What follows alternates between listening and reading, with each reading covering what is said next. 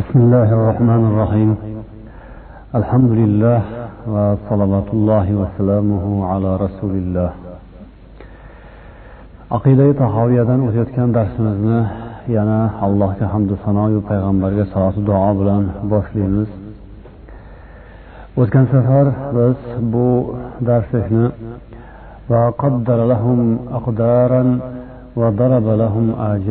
degan matniga kelib to'xtagan edik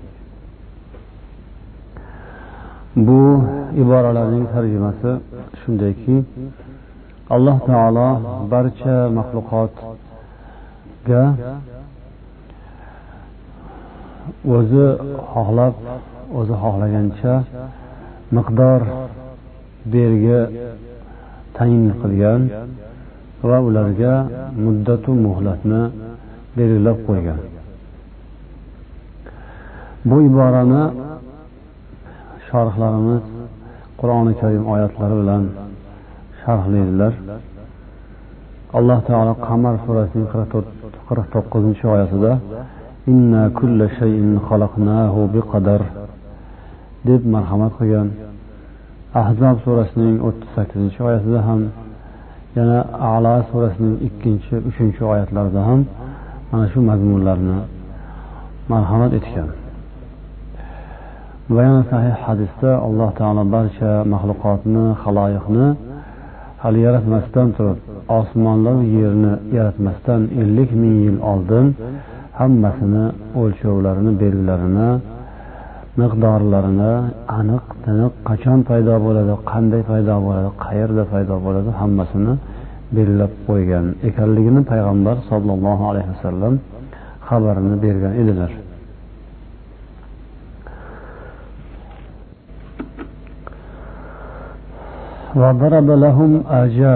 Alloh taolo maxluqotlarga aniq muddat muhlat belgilagan. Olloh yaratadigan paydo bo'ladigan barcha maxluqotu mavjudotlarni qachon kelib qachon ketishi qachon paydo bo'lib qachon agar jonzot bo'lsa vafot topishi hammasini aniq tiniq soatlargacha daqiqalargacha tayinlab qo'yganini oli imron surasining bir yuz qirq beshinchi oyatida xabarini beradi وما كان لنفس أن تموت إلا بإذن الله كتابا مؤجلا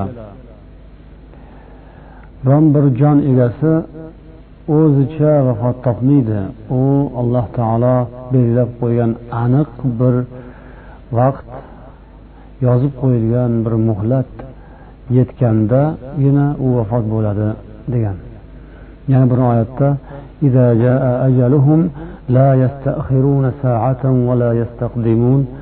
agar ularning ajallari ya'ni muddatlari muhlatlari yetgan bo'lsa o'sha muhlatlaridan bir soat keyinga ham surilmaydi bir soat oldinga ham surilmaydi.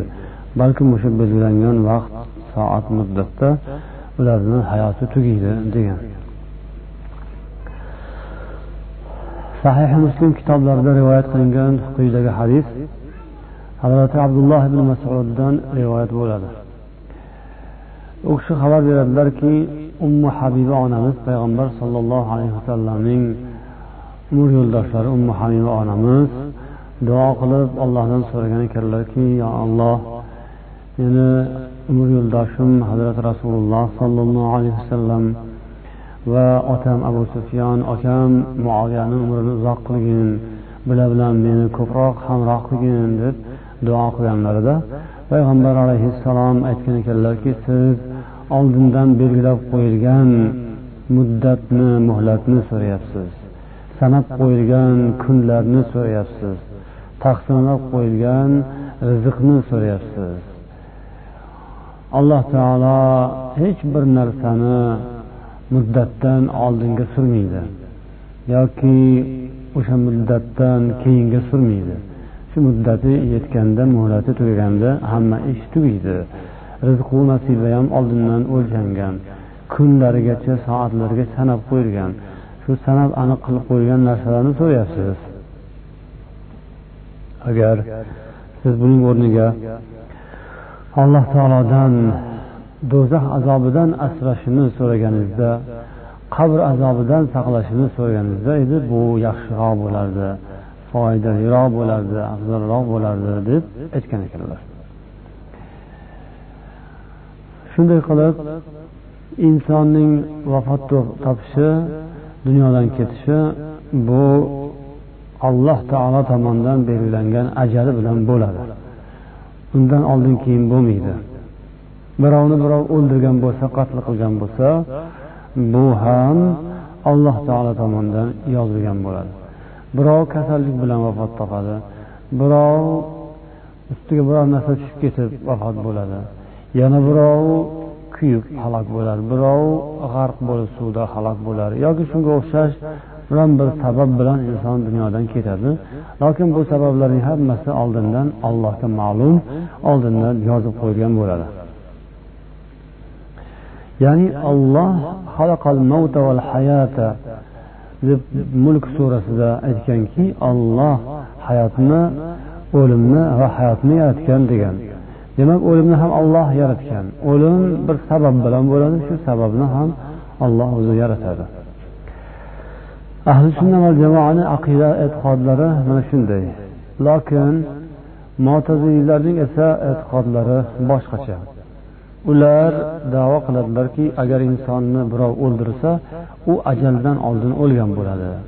Agar shuni u odam o'ldirmaganda edi u o'sha ajaligacha belgilangan muddatgacha yashab yetib borardi deb mo'taziliylar shunaqa davo qilishar ekan. Bu davo esa botil davo. Chunki alloh taologa loyiq bo'lmagan allohga nisbat berish mutlaqo joiz bo'lmagan bir xulosa kelib chiqadi. Agar shunday deyilsa ya'ni inson birov o'ldirmaganda edi falon joygacha yashab borardi. Uning ajali falon muddatda edi degan davodan kelib chiqadiki go'yoki alloh taolo o'sha muddatgacha yashab borishini bilmagan. Yoki bo'lmasam alloh taolo o'sha ma'lum belgilab qo'yilgan muddatgacha bu odamni yashab borishini bilganu o'shani noto'g'ri ravishda yozib qo'ygan. Ya'ni alloh taolo insonni bu dunyoda qachon dunyoga keladi qachon dunyodan ketadi bu unga ma'lum bo'lishi kerak. Agar olloh buni bilmagan deyilsa allohga jaholat nisbat berilgan bo'ladi. Ya'ni olloh insonni o'zi yaratgan insonni qachon vafot topishini bilmabdide bilmasdan unga ajal yozib qo'yibdi. Ya'ni falon muddatgacha yashab borardi deb mo'tazillar aytyapti. Buni eshmatni toshmat o'ldirib qo'ydi masalan. O'sha toshmat o'ldirmaganda edi eshmat falon joygacha yashab borardi. Ana shu falon joygacha yashab bormadi. Ana shuni yashab bormasligini olloh bilmaganmi? Bilmasdan o'sha falon joygacha yashab boradi deb yozib qo'yganmi? Degan savol tug'iladi. Bu demak noo'rin narsa bu noto'g'ri e'tiqod ekanligi shundan ko'rinib turadi. Yashab yetib borolmaydigan ekanligi aniq bo'la turib allohga shu narsani olloh o'sha narsani bila turib yozib qo'ygan degan xato fikr kelib chiqadi. Undoq emas. Yoki bo'lmasam ikkinchi bir narsaki alloh taolo buni qachon vafot topishini bilmagan ikki xil yozgan. Yo mana yoqqa boradi yo mana bu yoqqa boradi deb qo'yib yuborgandek bandasini qayerga borishini bilmay qarab turganday bo'lib qoladida narigi joyga bormasdan berichi joyda beriroqdagi joyda hayoti tugab qoldi. Deganday bir noto'g'ri xulosa chiqib qoladi. Shuning uchun bu motazilarning davolari ya'ni inson agar hayotida ehtiyotkor bo'lganda edi u o'lmas edi yoki birov uni o'ldirib ketmaganda edi u uzoq umr ko'rardi degan gap demak noto'g'ri gap ekan. Alloh taolo insonni hayoti qachon tugashini o'zi oldindan bilish bilan bir qatorda shuni o'sha ajal muddatiga qanday qilib borishi uning ham sabablari allohga ma'lum va uni ham oldindan yozib qo'yilgan bo'ladi. Payg'ambarimiz hadislarida silatur rahmi tazidu fil umr deganlar. Ya'ni silay rahm umrni uzoq qiladi deganlar bu umr uzoq bo'lishiga sabablardan biri. Alloh taolo qaysi bir insonga masalan shuni yozgan. Buni silay rahmi joyida bo'ladi ya'ni qarindosh urug'lar bilan muomalasi munosabati yaxshi bo'ladi va shu sababdan umri ham uzoq bo'ladi deb yozib qo'ygan bo'ladi. Yana bir insonni esa shunday sifati yo'q. U qarindosh urug'lar bilan aloqasi yaxshi emas u munosabati yaxshi emas. Shu sababdan u umri ham qisqa deb yozilgan bo'ladi. Yoki shunga o'xshash umrni uzaytirish uzoq umr ko'rishni sabablarini ham alloh o'zi oldindan yozgan bo'ladi. Endi aytilsaki mana shu silay rahm qarindosh urug'lar bilan yaxshi munosabatda bo'lish bu insonni haqiqatdan umrini uzaytiradimi inson shu sizlar rahm bilan shug'ullanib yaxshi munosabatda bo'lib qarindosh urug'lar bilan yaxshi muomalada bo'lgan odam albatta umri uzayib ketadi degan xulosa qilish mumkinmi deganda bunga ham yo'q deb javob beriladi. Chunki bu narsadan albatta shu kelib chiqadi deb aytilmaydi bu sabablardan biri bo'lishi mumkin. Gohida shunday sizlarga rahm qilgan odam yaxshi muomalada munosabatda bo'lgan odamni ham umri aytilganidek uzun bo'lmasligi mumkin. Yaxshi odamni ham umri qisqa bo'lishi mumkin. Ya'ni bu sabablardan biri sabab bo'lishi mumkin. Deylik dori ichish vaqtida ovqatlanish insonni sog' salomat yurishiga sabab bo'ladi. Lokin vaqtida shunday dori darmonni qilib ovqatlanib dam olib yurgan odam ham o'qisdan vafot topib qolishi ham mumkin. Yana umrni uzaytirish haqida duo qilish bu joizmi? shunday bo'lishi umrni uzaytirish haqida qilingan duo umrga ta'siri bormi deyilganda duo taqdirni faqatgina duo o'zgartiradi لا يرد القدر إلا الدعاء ولا يزيد في العمر إلا البر degan hadisni keltiradilar taqdirni faqatgina duo qaytarishi mumkin yoki o'zgartirishi mumkin Duo bilan ham inson umri haqida allohdan so'rashi mumkinligi haqida payg'ambardan xabarlar bo'lgan. Ya'ni ey olloh o'zingning g'ayb ilming bilan va maxluqotlar ustidan qudrating bilan agar bilsangki mening hayotim men uchun manfaatli foydali bo'lsa hayotimni davomli qilgin. Meni dunyoda umrimni uzoq qilgin. Agar menga vafot etishim foydaliroq afzalroq bo'lsa dinim dunyoyim uchun vafot afzal bo'lsa uni meni unda meni vafot toptirgin degan duoni o'qishga payg'ambar sollallohu alayhi vasallam o'rgatganlar. O'zi yozuvda boshqacha yozilganku lekin shu duo qilsa yozuv o'zgarilib boshqatdan yozilib qoladi degan gap emas balkim o'sha duo ham taqdirda yozilgan bo'ladi. Bu insonni shunaqa duo qilishi va shu duosining barakoti bilan sababi bilan o'sha so'ragan narsalari amalga oshishi ham taqdirda oldindan yozilgan bo'ladi. Qur'oni karimda alloh taolo yana raat surasida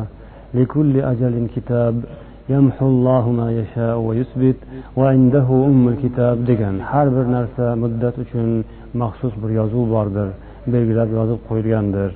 Alloh taolo xohlagan narsasini o'chiradi xohlaganini esa qoldiradi. Va uning huzuridadir umr kitob kitoblarning onasi. Ya'ni olloh xohlasa o'chiradi xohlasa qoldiradi. U xohlagan muddatni uning o'zi belgilaydi degan oyatni ba'zilar boshqacha talqin etib alloh taolo o'chiradi insonni umrini yoki qo'shib qo'yadi degan noto'g'ri ma'nolarni ham berishgan. Ammo bu oyatning mazmuni farishtalarni qo'llaridagi kitobni ularning qo'llaridagi yozuvlarni alloh taolo xohlasa o'chiradi xohlasa qoldiradi. Ba'zi bir savoblarni farishtalar yozib qo'ygan bo'lsa ham alloh taolo uni xohlamasa o'chirib qo'yishi mumkin. Uning huzuridadir umul kitob ya'ni lavhil mahfuz. Lavhul mahfuz farishtalarni qo'llaridagi kitobdan oldin yozilgan avvalda yozilgan. O'sha lavhul mahfuzda yozilgani bo'ladi. Farishtalarni yozuvlari esa hayotlik vaqtida inson tiriklik vaqtida qilayotgan amallari savobu gunohlarini yozib boradilar. O'shani alloh taolo xohlaganini qoldirib xohlaganini o'chirish mumkin deb ma'no berishgan ekan. Yoki bo'lmasam yana shu oyatning mazmuniga alloh taolo avvalda o'tgan sharoit shariatlarni payg'ambarlarning avvaldagi shariatlarini xohlaganini qoldiradi xohlaganini o'chiradi. Payg'ambarlardan payg'ambarlarga o'tayotgan mahalda shariatlar o'zgarishi mumkin qonun qoidalar o'zgarishi mumkin. Avvalgi shariatlarda bo'lgan ba'zi bir narsalarni alloh taolo keyingisiga o'zgartirib berishi mumkin yoki o'z holida ham qoldirishi mumkin. Buni nasx qilish deb aytiladi. Avvalgi ba'zi bir ibodatlar keyinchalik nasx bo'lgan ya'ni mansux bo'lgan o'zgartirilgan kuchdan qoldirilgan amaldan to'xtatilgan keyingi shariat keyingi payg'ambarning davrida esa shu narsa o'zgartirib berilgan. Mana shu mazmunda ham olloh xohlaganini o'chiradi xohlaganini qoldiradi deb ma'no berishgan. Yuqorida ikkita hadis keldi bir biriga biroz qarama qarshiga o'xshaydi. Ya'ni avvalgi hadisda payg'ambarimiz umrni uzaytirishni so'ragandan ko'ra azobi qabrdan va jahannam azobidan panoh so'raganingiz yaxshi bo'lardi dedilar. Keyingi hadisda esa ey olloh agar menga hayotim oxiratim uchun dinim uchun foydali bo'lsa mani hayotda davom ettirgin. Agar zararli bo'lsa vafot ettirgin deb duo qilish borligi haqida eslab o'tdik.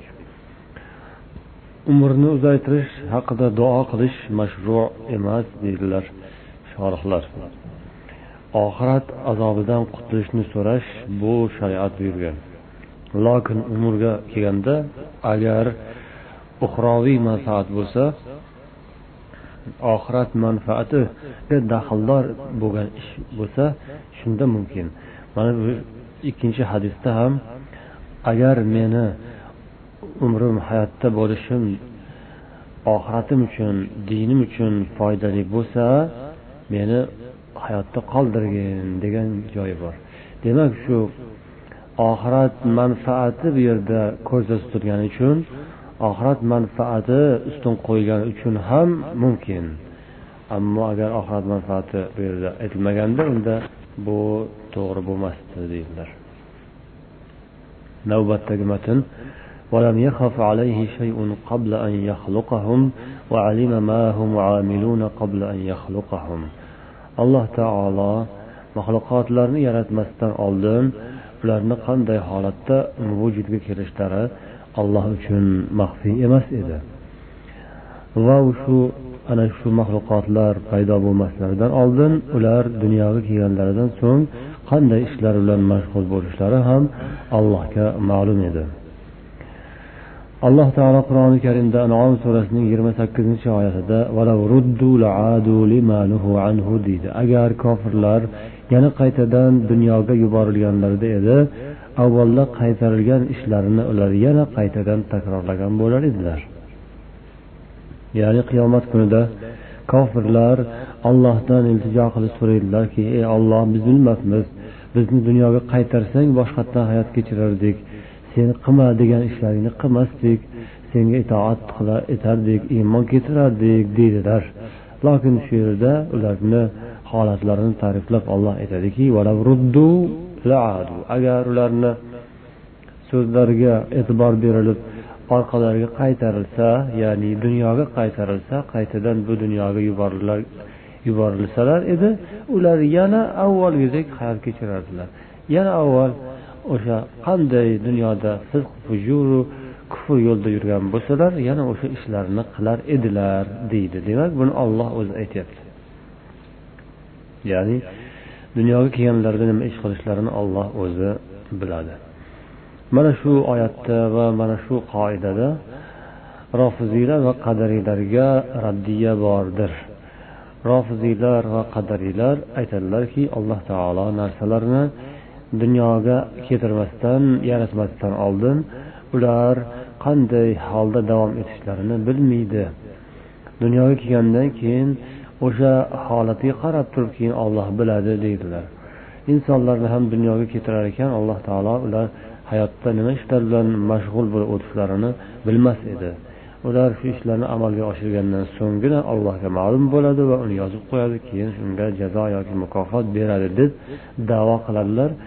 Bular qadariylar ya'ni qadarni inkor etuvchilar oldindan yozib qo'yilgan hamma narsa degan qoidaga qarshi chiquvchilar ular bu narsani inkor etadilar. Lekin bu ahli sunna va jamoa e'tiqodiga xilofdir. Keyingi matn.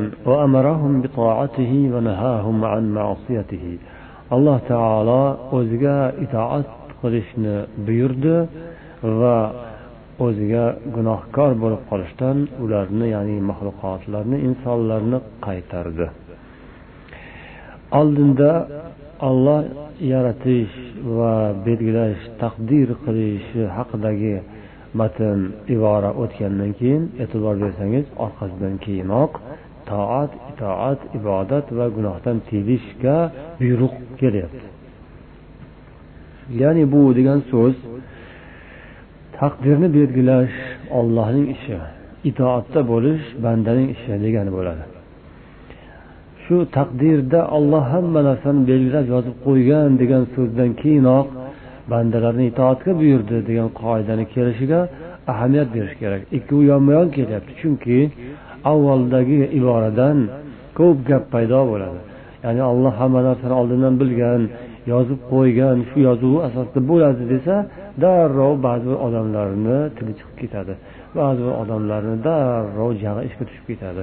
Ular e ana xudo o'zi yozib qo'ygan ekan nega unda bundoq bo'ladi nega unda andoq bo'ladi mandoq bo'ladi? qilib gapni ko'paytirib yuborishadi.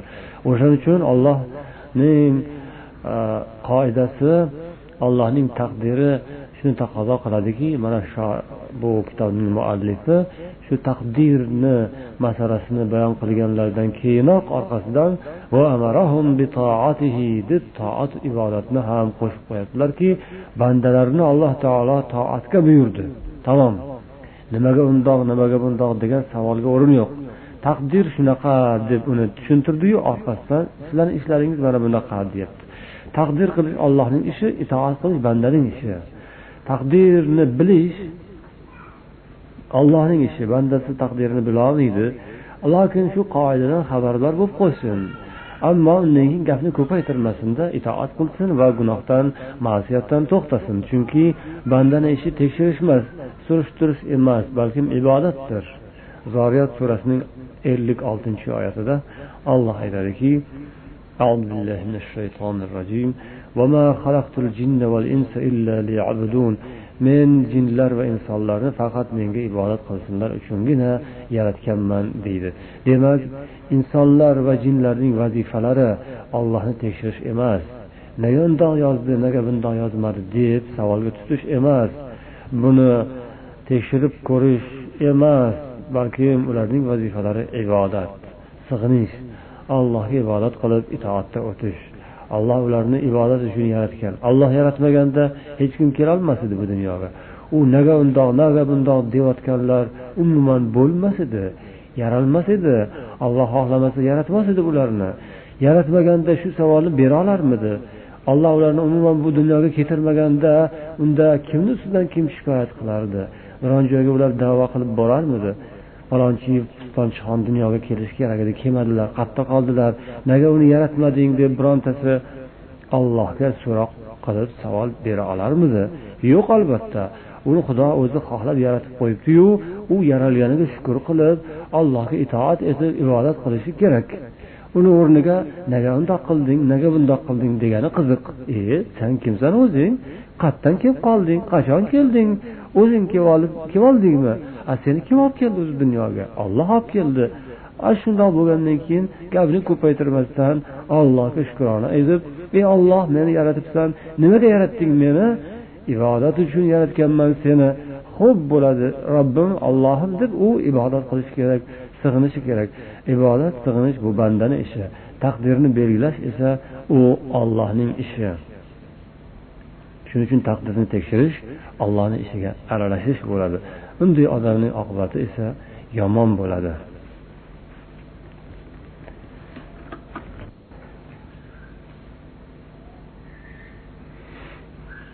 وكل شيء يجري بتقديره ومشيئته ومشيئته تنفذ لا مشيئة للعباد إلا ما شاء لهم فما شاء لهم كان وما لم يشاء لم يكن mana bu matn iboraning ma'nosi shunday quyidagicha. Barcha narsalar allohning taqdiri va xohishi istagiga muvofiq tarzda joriy bo'ladi. Allohning xohish istagi amalga oshiriladi. Bandalarning xohish istaklari esa allohning istagu xohishiga muvofiq kelsagina amalga oshiriladi. Shunday qilib demak olloh nimaniki nimaniki agar olloh xohlasa shu bo'ladi olloh xohlamasa bo'lmaydi. Bu lo'ndagina qoida. Bu haqda oyatlar juda ham ko'p. Odatda talabalar musulmonlar o'rganayotgan ilm olayotgan paytlarida shunday qoidalarni o'rganishdan boshlaydilar. Hujjatlarni dalillarni emas. Dalillar hujjatlari juda ham ko'p va har joyda ya'ni qur'onning turli suralarida har joyda har xil joylar suratda kelgan. Hujjatu dalillardan agar o'rganishga boshlaydigan bo'lsa talaba adashib ketadi chalgashib ketadi qurbi yetmaydi. O'shaning uchun ulamolar tomonidan shu hujjatlaru oyatlarni hammasi o'rganilib chiqib ma'nosi qisqagina mana shunga o'xshagan iboralarda lo'ndagina qilib ifodalangan. Ya'ni olloh nimaniki xohlasa bo'ladi xohlamasa bo'lmaydi deb qisqagina qilib qo'yilgan. Buning hujjati dalillari esa bir necha oyatlarda ko'pgina suralarda hadislarda kelgan. Biz mana shuni qoidasini o'rganganimizdan keyin hujjatlari dalillariga ham inshaalloh vaqt topib uni ham o'rganamiz. Hozir ham oyatu dalil oyatu hadislardan ba'zi bir dalillarni hujjatlarni ko'rib o'tamiz. Dahr surasi inson surasining o'ttizinchi oyatida olloh aytadiki auzu billahi minash shaytonir rojim وما تشاءون إلا أن يشاء الله إن الله كان عليما حكيما sizlar faqatgina olloh xohlagan narsanigina xohlaysizlar xolos albatta alloh taolo hamma narsani biluvchi va hamma ishni hikmat bilan qiluvchi zotdir. Takbir surasining yigirma to'qqizinchi oyatida sizlar faqat robbil alamin butun olamlar robbisi bo'lgan ollohning xohlagan narsasigina ollohning xohlagan narsasinigina xohlaysizlar deydi. Ya'ni bandaning insonning xohishi ollohning xohishini ichida bo'ladi olloh bir narsani xohlaydi shuni ichida bandasi xohlaydi bandaning xohishi ollohning xohishini ichida bo'lsa allohni xohishiga muvofiq kelsa shundagina amalga oshadi xolos bo'lmasa yo'q anom surasining bir yuz o'n birinchi oyati auzu billahi minash shaytonir rojim ولو أننا نزلنا إليهم الملائكة وكلمهم الموتى وحشرنا عليهم كل شيء قبلا ما كانوا ليؤمنوا إلا أن يشاء الله agar biz ularga osmondan maloikalarni tushirganimizda edi va ularning huzurlariga o'liklar tirilib kelib ular bilan gaplashganda edi hamma narsani yig'ib kelib ularning ro'baralariga qo'yib qo'yganimizda edi Shunday ishlarni qilganimizda ham ular iymon keltirmas edilar. Magaram olloh xohlagani iymon keltirardiyu ammo o'sha iymon keltirmaydigani iymon keltirmaydi deb yozib qo'yilgani baribir iymon keltirmas edi deydi. Ya'ni kofirlar haqida. Kofirlar davo qiladilar xudoyu undoq bundoq bo'lsa isbot qilib bergin ko'rsatib qo'ygin bu din haq emas bu yo'l noto'g'ri deydilar. Lokin ularning bu deyishlari hamma vaqt ham bir xil bo'lmaydi. Ular allohning borligini bilib turib ham iymon keltirmasliklari mumkin. Agar olloh ularni iymon keltirmasliklarini aniq qilib yozib qo'ygan bo'lsa endi osmondan maloika farishtalar tushib kelib voy olloh bor ey esinglarni yig'inglar desa ham. Yoki o'liklar qabrdan tirilib kelib ey olloh bor ekan haq ekan din bu islom haq ekan qur'on haq ekan yo'llaring nohaq ekan sanlarni. Islomga kiringlar tavba qilinglar. Mana biz ko'rdik do'zaxni ko'rdik jannatni ko'rdik deb agar o'liklar terilib kelib gapirganda ham iymon keltirmaydigani keltirmaydi deb olloh aytyapti bu narsani bu so'zni. Anon surasining bir yuz o'n ikkinchi oyatida ham shunday ma'no davom etadi. Yunus surasining to'qson to'qqizinchi oyatida esa olloh aytadiki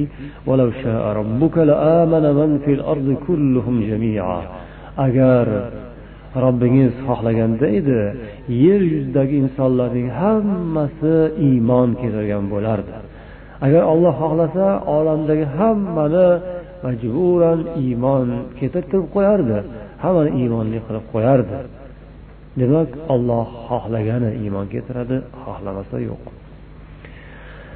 Hud surasining o'ttiz to'rtinchi oyati anon surasining o'ttiz to'qqizinchi oyati mana shu ma'nolarni ta'kidlaydi. Endi mana shunday oyatlar bo'la turib oyatlarda shu haqiqatlar aytilib turib yana ba'zi toifalar insonlar aytsaki olloh insonlardan iymonni xohladiyu lokin kofir kofir bo'lishni xohladi desa alloh taolo ularni iymonga kelinglar deb iymon keltirishlarini juda juda xohladiyu lokin kofirlar kofirlar yo'q biz iymon keltirmaymiz dedi. Shunday qilib ollohning xohishi uyoqda qolib ketdi kofirlarning xohishi ustun kelib kofir bo'lib ketdi degan gap qayoqda? Bu mutlaq noto'g'ri gap. Allohga xilof allohga teskari islomga ahli sunna va jamoa mazhabiga toifasiga ahli sunna va jamoaning haq yo'liga xilof so'zlar. Bu yerda alloh taoloni ojiz degan bo'lib qoladi.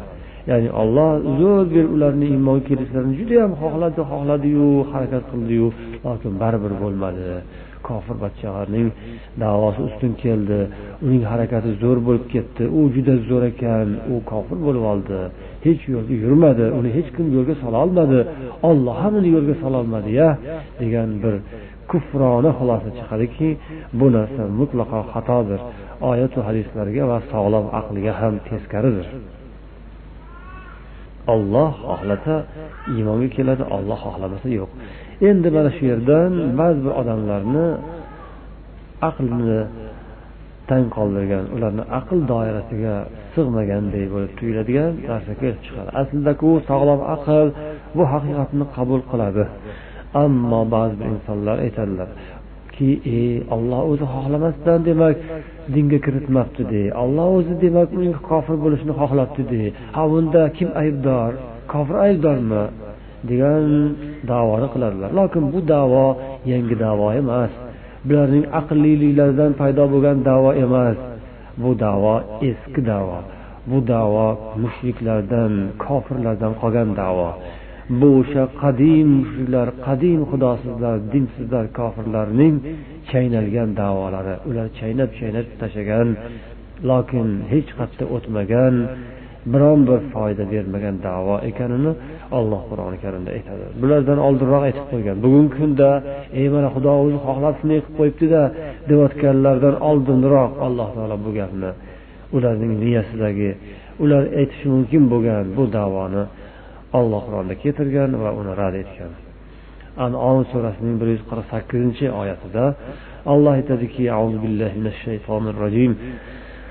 سيقول الذين أشركوا لو شاء الله ما أشركنا ولا آباؤنا yaqinda mushrik bo'lganlar aytadilar mushrik bo'lganlar yaqinda aytadilarki agar alloh taolo xohlaganda edi biz mushrik bo'lmagan bo'lardik ota bobolarimiz ham mushrik bo'lmagan bo'lardi qarang bugungi mushriklar bilan u o'tib ketgan mushriklarni gapini bir xilligini alloh taolo o'zi bilib aytgan Bularni shunaqa gaplarni gapirishni olloh oldindan bilgan va ularni oldindan qoralab qo'ygan bu davoni oldindan asossiz ekanligini aytgan. Ular demak aytdilarlarki xudo agar xohlamasa shunaqa bizni mushrik qilarmidi? Olloh xohlagan bizni mushrik bo'lishimizni olloh o'zi mushrik qilib qo'yibdi bizni. Ota bobolarimizni ham olloh o'zi shunday qilib qo'yibdi dedilar. nahl surasining o'ttiz beshinchi oyati وقال الذين أشركوا لو شاء الله ما عبدنا من دونه من شيء mushrik bo'lganlar aytadilarki agar alloh taolo xohlaganda edi biz undan boshqasiga ibodat qilmasdik o'ziga ibodat qilardik olloh o'zi xohlab qo'yibdida bizni boshqa narsalarga ibodat qilishimizni dedilar deb olloh ularni qoralab aytyapti وقالوا لو شاء الرحمن ما عبدناهم ما لهم بذلك من علم إن هم إلا يخرصون kofirlar aytdilarki agar rahmon xohlaganda edi biz u o'zimizning xudolarimizga ibodat qilgan emasdik qilgan bo'lmasdik xudo bizni shuni xohladi olloh bizni mana shunday qildi deydilar bularga javoban olloh aytadiki uni bular ilm bilan aytmayaptilar. Buni ular bilag'onlik qilib bilib aytayotganlari yo'q. Ular bu gaplar bilan aldayaptilar. Ular bu gaplar bilan yolg'on davo qilyaptilar. Bu so'zlar noto'g'ri deyapti. Qanaqasiga noto'g'ri? Ularning so'zini davosini noo'rinligi qanday? Nima jihatdan?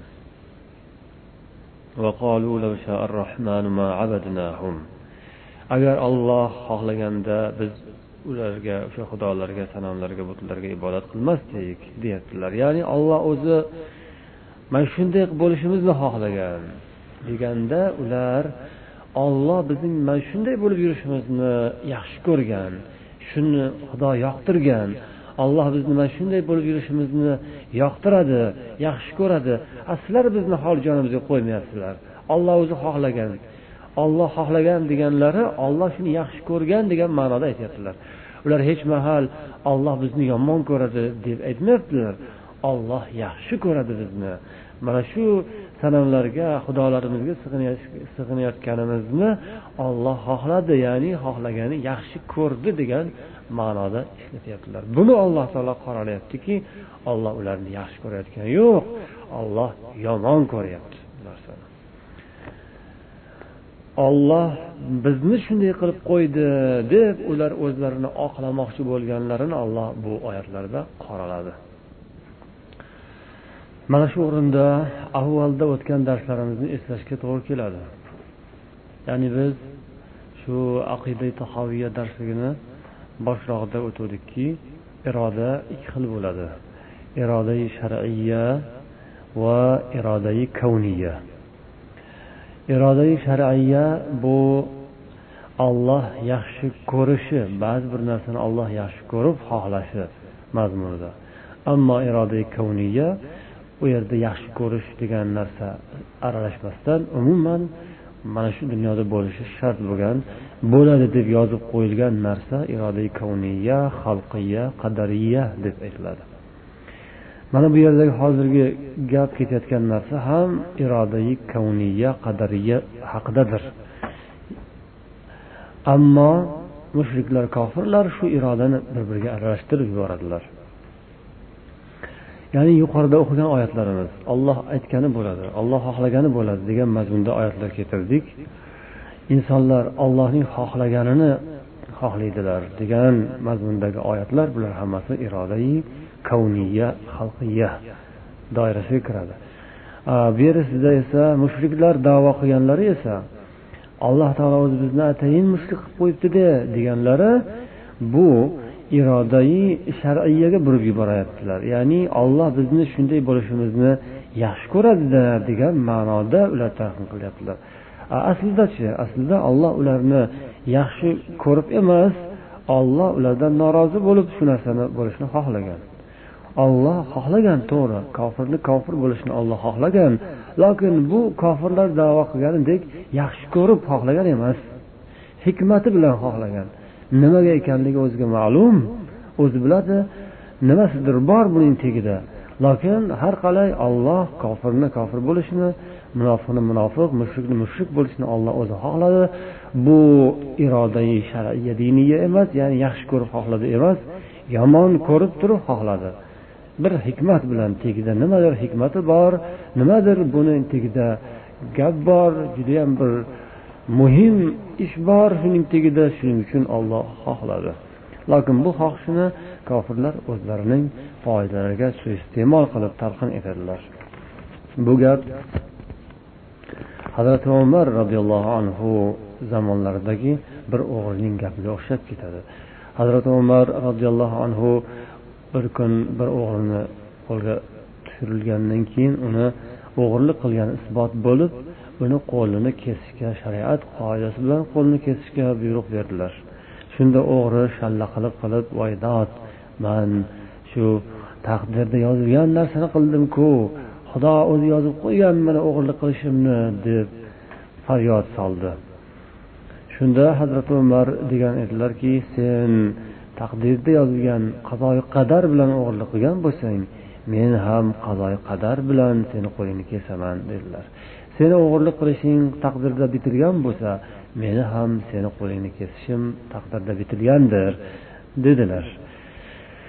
Xuddi shu o'rinda yana keltiradilar hazrati odam otamiz bilan. Hazrati muso alayhissalom o'rtalaridagi savol javob.